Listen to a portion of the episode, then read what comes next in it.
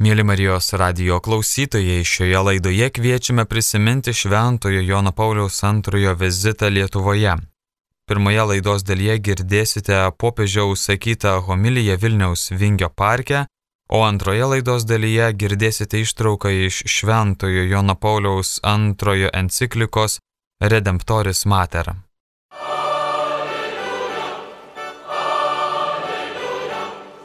Kas gimė iš dvasios yra dvasia. Šitaip sako Jėzus Kristus Nikodemui, įstatymo mokytojui, gerai išmanančiam Senąjį testamentą, šventasias knygas, kuriuose kalbama apie Dievo sandorą su Izraeliu. Nikodemas žinojo, kas yra toji sandora, Jahves sudaryta su iškrintaja tauta, kurią jis išvedė iš Egipto. Dievas tada Izraelitams davė dešimt įsakymų, surašytų ant dviejų akmens plokščių. Nikodemas taip pat žinojo, jog iš amžiaus į amžių Jahve per pranašus skelbė naująją sandorą įskiepysiu savai įstatymą į jų sielės ir rašysiu jį į jų širdis. Žmogus nėra vien kūnas, bet ir siela.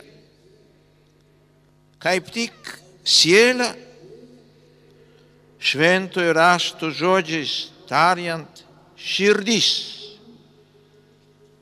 reiškia žmogaus gelm. Apie ją Jėzus kalba Nikodemui. Broliai ir seserys, brangus broliai ir seserys, ilgai buvo stengmėje masė jūsų tėvinės sūnų ir dukterų sąmonės įdėkti materializmo dvasią. Šiandien kartu su atgautaja laisvė naujų įkaščių reikia skelbti Kristaus apie žmogaus širdį. Širdį. Apie sielą. Pasakytus žodžius, kas gimė iš dvasios, yra dvasia. Broliai seserys, lygiai tai kaip Nikodemui. Ir jūs visiems, jūs visiems Kristus kartoja iš tiesų, iš tiesų sakau tau, jei kas net gims iš aukštybės, negalės regėti Dievo karalystės.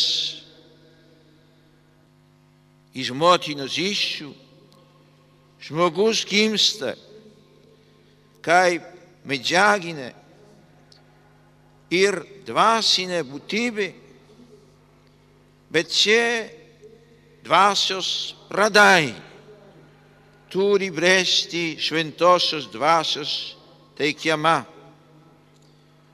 išganingos malonės jėga. Kristus besišnekėdamas su Nikodemu, pabrėžia, iš tiesų, iš tiesų sakau tau, kas negims iš vandens ir dvasios, neįeis, neįeis į Dievo karalystę. Užgimimas iš šventosios dvasios tai paslaptys paliečianti žmogaus sielos gelmes. Kristus pasaulio atpirkėjas šį gimyną susijęjo su Krikšto sakramentu, kuris, kaip ir kiti sakramentai, reiškia nematomos paslapties, regimai ženklą. Per šį sakramentą žmogus tampa Dievo įsūniu pagal Kristaus paveikslą įžengia į pažadėtąją karalystę, амжина и диево ги виниме. Кара лист. Амжина и диево ги виниме.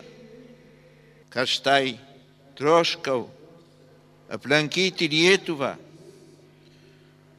Тук стантис девини шимтеј, а што оняс дешимт септин тајсиас метејс. Tada šventėte savo protėvių krikštų 600 metų jubiliejų. Šios kelionės troško taip pat jūsų viskupai ir visa Lietuvos bažnyčia, kadangi tai buvo neįmanoma padaryti, jūs patys gerai žinote priežastis. Dėkoju Dievui, kad šiandien galiu būti su jumis? Šiame mieste jūsų sostinei, kuo nuoširdžiausiai sveikinu kardinolą Vincentą Tlatkevičių, viskupų konferencijos pirmininką, jūsų arkiviskupą Audrių Batskį ir kitus čia esančius bažnyčios vadovus. Sveikinu vyriausybės atstovus Lietuvos. Sveikinu kunigus, vienuolius ir vienuolės. Visą Dievo tautą. Visą Dievo tautą.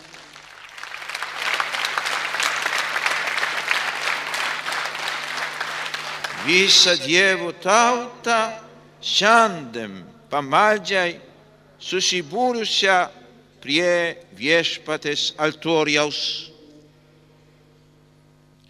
Tariu pagarbų žodį valdžios atstovams dalyvautajantiems šios dienos iškilmėse ir visiems padėjusiems surenkti šią mano apaštalinę kelionę. Voglio salutare i nostri ospiti, i cardinali delle diverse città e sedi europee, Parigi, Berlino, Šventasis tėvas italų kalba sveikina čia susirinkusius vyskupus iš Paryžiaus, Berlyno, visus Europos vyskupus, kurie čia susirinko šitą iškilmingą progą. Atvykusius iš Europos, atvykusius iš Junktinių Amerikos valstybių. Noriu pasveikinti atstovus iš mūsų seseriškos ortodoksų bažnyčios arkivyskupą Krizostomą. Pozdrawiam braci biskupów z Ukrainy.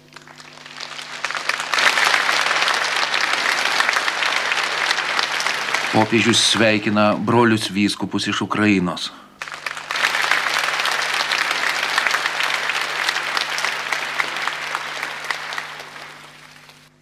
Pozdrawiam księdza kardynała prymasa Polski i wszystkich biskupów przybyłych na uroczystość dzisiejszą. Sveikina Lenkijos primą ir visus Lenkijos vyskupus atvykusius šią progą į Vilnių.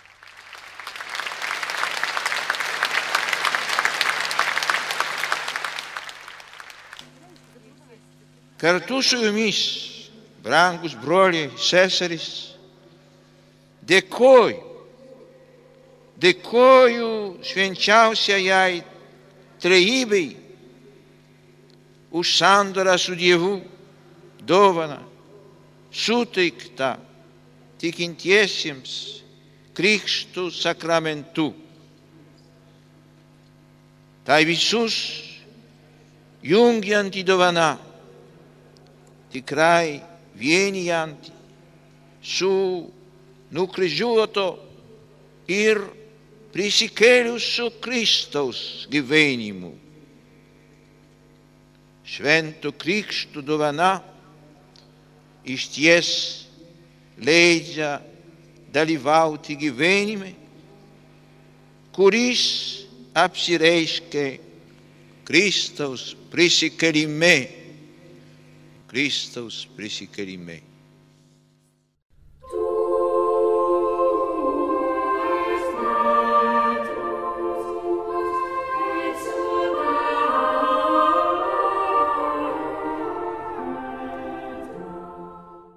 Klausėmės, mėlyjeji, Šventojo Jono Pauliaus antrojo homilijos sakytos Vilniaus Vingio parke, kai šis viešėjo 1993 metais.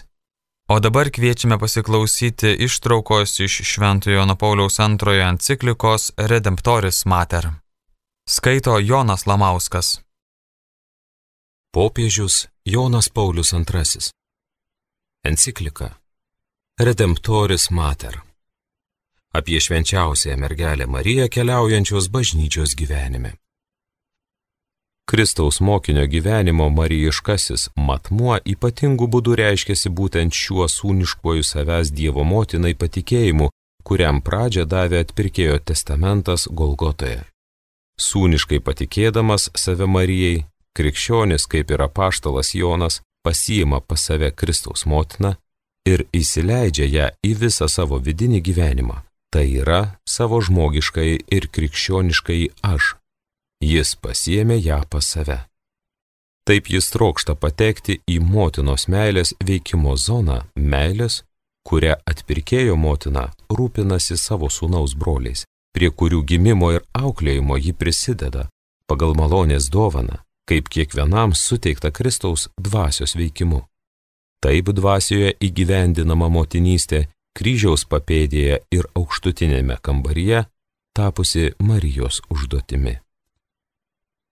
Šis suniškasis ryšys, šis sūnaus savęs patikėjimas savo motinai ne tik turi pradžią Kristuje, bet, galima sakyti, galiausiai yra į jį orientuotas. Marija visiems žmonėms be paliovos kartoja tai, ką pasakė Galilėjos kanoje. Darykite, ką tik jis jums lieps. Juk būtent jis, Kristus, yra vienatinis Dievo ir žmonių tarpininkas, jis yra kelias, tiesa ir gyvenimas. Evangelija pagal Jono 14 skyrius 6 eilutė. Jį tėvas atidavė pasauliui, kad žmogus nepražūtų, bet turėtų amžinai gyvenimą. Evangelija pagal Joną 3 skyrius 16 eilutė. Nazareto mergelė tapo pirmąją šios tėvo išganomosios meilės liudytoje, bei trokšta visur ir visada išlikti jo nuolankę tarnaitę. Kiekvienam krikščioniui, kiekvienam žmogui Marija yra ta, kuri pirmoji įtikėjo ir būtent šiuo savo kaip sužadėtinės ir motinos tikėjimu ji trokšta paveikti visus, kurie patiki jai save kaip sūnus. Ir juo atkakliau jos sūnus to laikysis ir eis tą linkme, juo labiau Marija priartins juos prie nesuvokiamų Kristaus turtų. Laiškas Efeziečiams trečias skyrius, aštunta eilutė. Ir tuo geriau jie išvys visą žmogaus kilnumą, ir galutinę savo pašaukimo prasme, nes Kristus pačiam žmogui pilnatviškai parodo, kas yra žmogus. Šis krikščioniškojo gyvenimo mariškasis matmuo pasidaro ypač svarbus kalbant apie moterį ir jos padėtį. Juk moteriškumas ypač susijęs su atpirkėjo motina. Šią temą galėsime plačiau panagrinėti kitą progą. Čia tik norėčiau pabrėžti, jog Nazareto Marijos asmenybė parodo, kas yra moteris tuo, kad Dievas per iškilų savo sunaus tapimo žmogumi įvykį patikėjo save laisvai ir veikliai moters tarnystiai. Vadinasi, galima teikti, kad moterys, žvelgdamos į Mariją, gali įminti paslapti, kaip oriai įgyvendinti savo moteriškumą ir pasiekti savo tikrąją pažangą. Marijos šviesoje bažnyčia įžiūri moters veidę grožio atšvaitus, tartum veidrodyje atspindinčius kilniausius žmogaus širdies jausmus - meilės žadinamą atsidavimo pilnatvę, jėgą, gebančią pakelti sunkiausias kančias, begalinę ištikimybę, nenuliūstamą veiklumą, gebėjimą skvarbę intuiciją derinti su palaikymo bei padrasinimu žodžiais.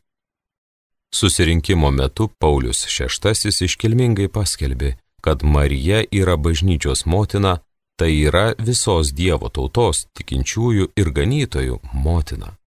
Vėliau 1968 metais tikėjimo išpažinime žinomo Dievo tautos kredo vardu jis dar kartą galingai patvirtino. Tikime, kad švenčiausiai Dievo motina, naujoji Jėva, bažnyčios motina, danguje toliau motiniškai rūpinasi Kristaus nariais, prisidėdama prie atpirktųjų sielų gimimo ir dieviškojo gyvenimo plėtotės. Susirinkimo mokymas pabrėžia, jog tiesa apie švenčiausią mergelę Kristaus motiną labai padeda gilinti tiesą apie bažnyčią. Tardamas žodį apie konstituciją Lumen Gentium, kurią patvirtino susirinkimas Paulius VI, pareiškė. Tikrosios katalikiškos doktrinos apie palaimintąją mergelę Mariją pažinimas visada bus Kristaus ir bažnyčios slėpinio tikslaus supratimo raktas. Marija esti bažnyčioje kaip Kristaus motina ir sikiu kaip motina, kurią Kristus per atpirkimo slėpinį patikėjo žmonijai per apaštalo Jono asmenį. Štai kodėl Marija savo naują motinystę dvasioje apglebė visus ir kiekvieną bažnyčioje ir per bažnyčią. Šia prasme Marija, bažnyčios motina, yra ir jos pavyzdys.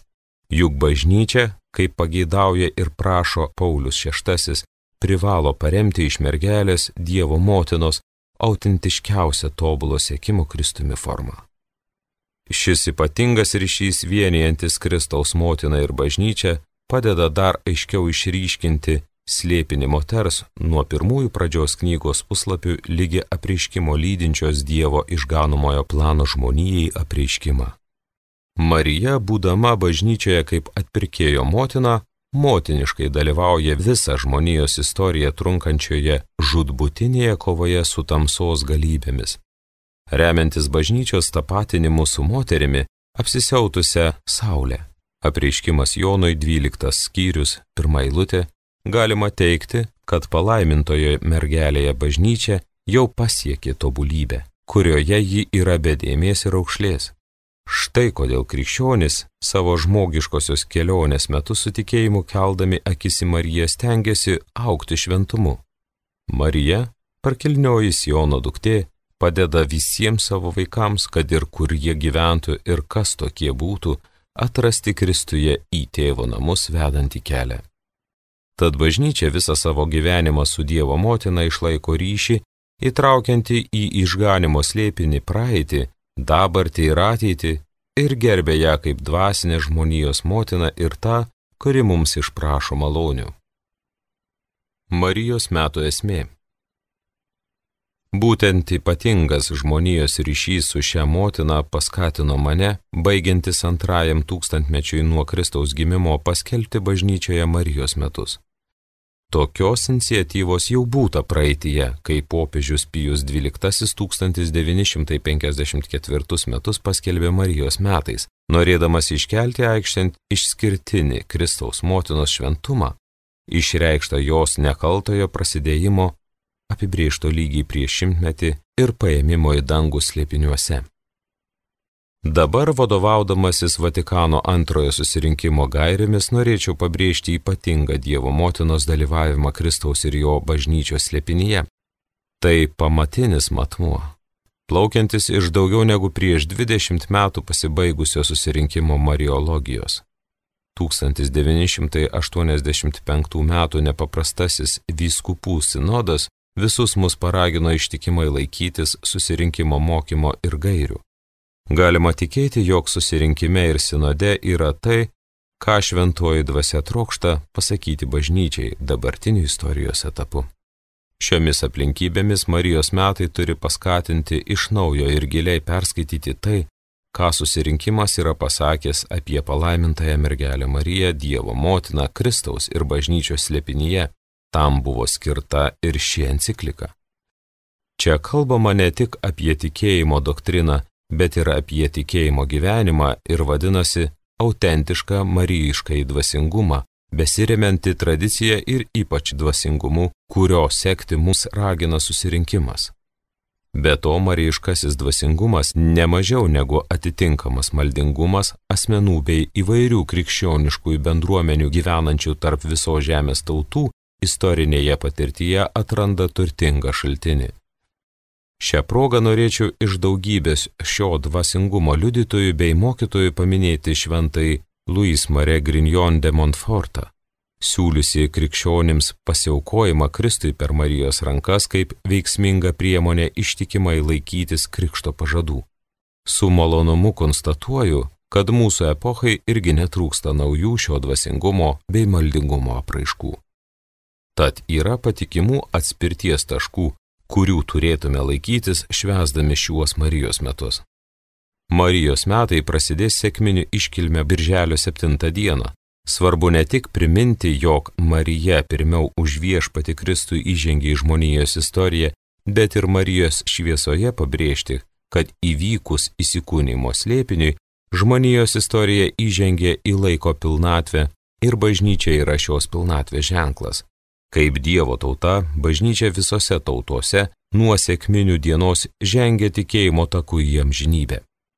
Kristaus motina, kuri dalyvavo bažnyčios laiko pradžioje, kai laukdama šventosios dvasios atsidėjimo maldai su savo sūnaus apaštalais ir mokiniais, be perstojo užima pirmąją vietą bažnyčios kelionėje per žmonijos istoriją.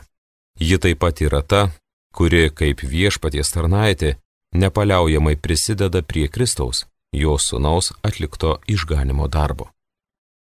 Tačiais Marijos metais bažnyčia pašaukta ne tik prisiminti visą, kas jos praeitėje liudyja ypatingą motinišką Dievo motinos bendradarbiavimą, kuriuo ji viešpatie Kristuje prisideda prie išganimo darbo, bet ir tiesti ateičiai tokio bendradarbiavimo kelius, nes antro krikščioniškojo tūkstantmečio pabaiga atveria naują perspektyvą. Kaip minėjau, netgi tarp atskirųjų brolių, ypač tarp rytų krikščionių, netrūksta garbinančių bei aukštinančių viešpaties motiną. Tad Maryjiškoji šviesa apšviečia ekumenizmą. Dar trokštų priminti, kad kaip tik Marijos metais sukaks tūkstantis metų nuo Šventojo Vladimiro didžiojo Kievo kunigaikščio krikšto 988 metais davusio pradžią krikščionybei to meto Rusijos teritorijoje ir vėliau kitose rytų Europos žemėse, būtent šiuo keliu evangelizacinių pastangų dėka krikščionybė paplito už Europos iki šiaurinių Azijos ryčių.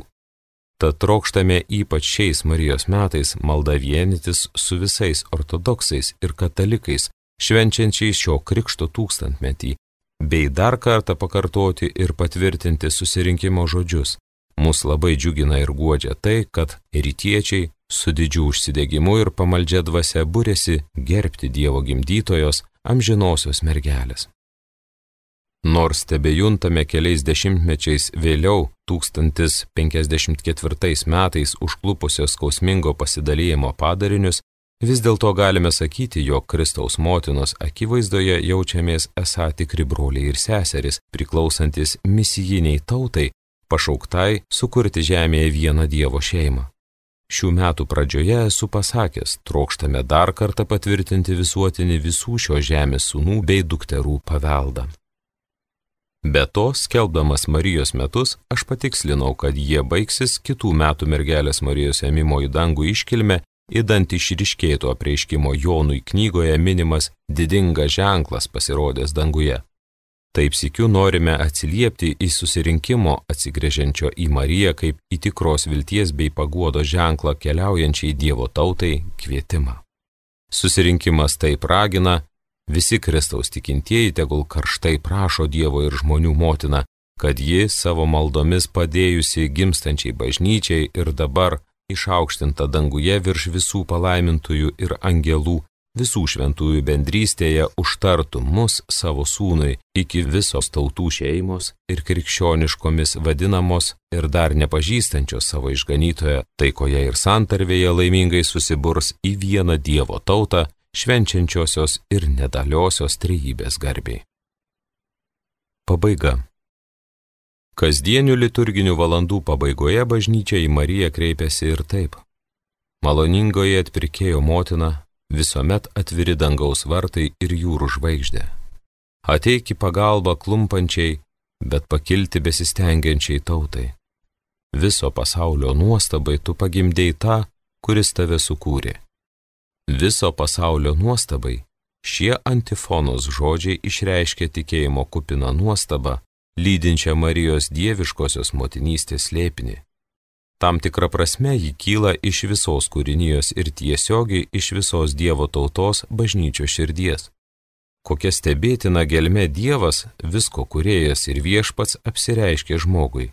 Kaip aiškiai jis įveikė visas begalinio atstumo skiriančio kurėją nuo kūrinio erdvės. Jis neišreiškiamas ir neišmatuojamas, tačiau labiau neišreiškiamas ir neišmatuojamas jis yra įsikūnijusiame žodyje, kuris tapo žmogumi, gimdamas iš Nazareto mergelės. Jis amžinai norėjo padaryti žmonės savo dieviškosios prigimties dalininkais. Petro antras laiškas, pirmas skyrius ketvirta eilutė. Todėl numatė žmogaus sudėvinimą ir jo istorinėmis sąlygomis įdant net po nuodėmės būtų pasirengęs brangia kaina atkurti amžinai savo meilės planą, sužmogintama sūnų, kuris tos pačios prigimties kaip ir jis. Tokia dovana negali nekelti visos kūrinijos ir pirmiausia žmogaus nuostabos, žmogaus tapusio dalininku šventojoje dvasioje. Dievas taip pamilo pasaulį, jog atidavė savo viengimi sūnų. Evangelija pagal Joną, trečias skyrius, šešiolikta eilutė. Šios lėpinio, šios tikėjimo kupinos nuostabos centre stovi Marija. Švenčiausiai atpirkėjo motina pirmoji tai patyrė. Viso pasaulio nuostabai tu pagimdėjai tą, kuris tave sukūrė. Šios liturginės antifonos žodžiais taip pat išreikšta ir didžiosios pervartos, kurią žmogui lėmė įsikūrimo slėpinys - tiesa. Ši pervarta apima visą žmogaus istoriją nuo pradžios, apreikštos mums pirmuosiuose pradžios knygos skyriuose, iki jos pabaigos, iki pasaulio pabaigos, kurios nei dienos, nei valandos, Evangelija pagal Mato 25 skyrius 13 eilutė, Jėzus mums nepreiškia. Tai nenutrūkstama ir nepaliaujama pervarta nuopolį keičiant pakilimu nuodėmingą žmogų į malonės kupiną bei teisingą. Liturgija ypač advento metu išreiškia pačią šios pervartos esmę ir pagauna šį nuolatinį, čia ir dabar sušūkdama. Ateik į pagalbą klumpančiai, bet pakilti besistengiančiai tautai. Šie žodžiai svarbus kiekvienam žmogui, bendruomenėms, tautoms ir nacijoms, kartoms ir žmonijos istorijos epochoms, mūsų epochai ir šiems besibaigiančio tūkstantmečio metams. Ateik į pagalbą klumpančiai tautai. Šis prašymas adresuotas Marijai, maloningai atpirkėjo motinai, jis adresuotas Kristui, kuris per Mariją įžengė į žmonijos istoriją. Metų metais ši antifona keliama į Mariją, prisimenant momentą, kai ši esminė istorinė pervarta buvo neatšaukiamai įvykdyta, tai pervarta iš nuopolio į pakilimą. Žmonija padarė įstabių atradimų ir pasiekė nepaprastų rezultatų mokslo bei technikos rytise. Jie atliko didelių darbų žengdama pažangos ir civilizacijos keliu ir net, galima sakyti, pastaruoju metu įstengė paspartinti istorijos tiekmę. Tačiau pamatinė pervarta laikytina pirmą pradę. Nuolatos lydi keliaujantį žmogų per visus istorijos įvykius, lydi visus ir kiekvieną. Tai pervarta iš nuopolio į pakilimą, iš mirties į gyvenimą. Tai taip pat nesiliaujantis iššūkis žmonių sąžiniai, visai istoriniai žmogaus sąmoniai, iššūkis, kurio esmė nesuklupti žygiuojant visuomet senais ir visuomet naujais keliais ir suklupus pakilti. Su visa žmonija artėdama prie antrojo tūkstantmečio pabaigos bažnyčia su visa tikinčiųjų bendryje ir vienydamasi su visais geros valios žmonėmis savo ruoštų priima didį iššūkį, išreikštą antifono žodžiais apie klumpančią ir besistengiančią pakilti tautą, bei grežiasi į atpirkėją ir jo motiną tardama - ateik į pagalbą. Juk ir tai liudija ši malda, Bažnyčia regi palaimintąją Dievo motiną išganomajame Kristaus ir savo pačios lėpinyje, regi ją galingai įsišaknyjusią žmonijos istorijoje, amžinajame žmogaus pašaukime, atitinkančiame planą, kurį Dievas savo apvaizdą jam paskyrė nuo amžių. Regi jos motinišką buvimą ir pagalbą, sprendžiant daugybę sudėtingų problemų, šiandien lydinčių paskirų žmonių, šeimų ir tautų gyvenimą regiją padedančią krikščionių tautai nepaliaujamoje gėrio kovoje su blogiu, įdant ji nesukluptų, ar jai suklupo, pakiltų. Iš viso širdies viliuosi, kad šios enciklikos apmąstymai taip pat padės atnaujinti šią viziją visų tikinčiųjų širdyse. Kaip Romos vyskupas siunčiu visiems, kuriems skirti šie apmąstymai ramybės pabučiavimą, kurį palydžiu savo sveikinimu bei palaiminimu mūsų viešpatyje Jėzuje Kristuje. Amen. Roma prie Šventojo Petro 1987 m. kovo 25 diena viešpatės apreiškimo iškilmė devintieji mano pontifikato metai. Jonas Paulius II.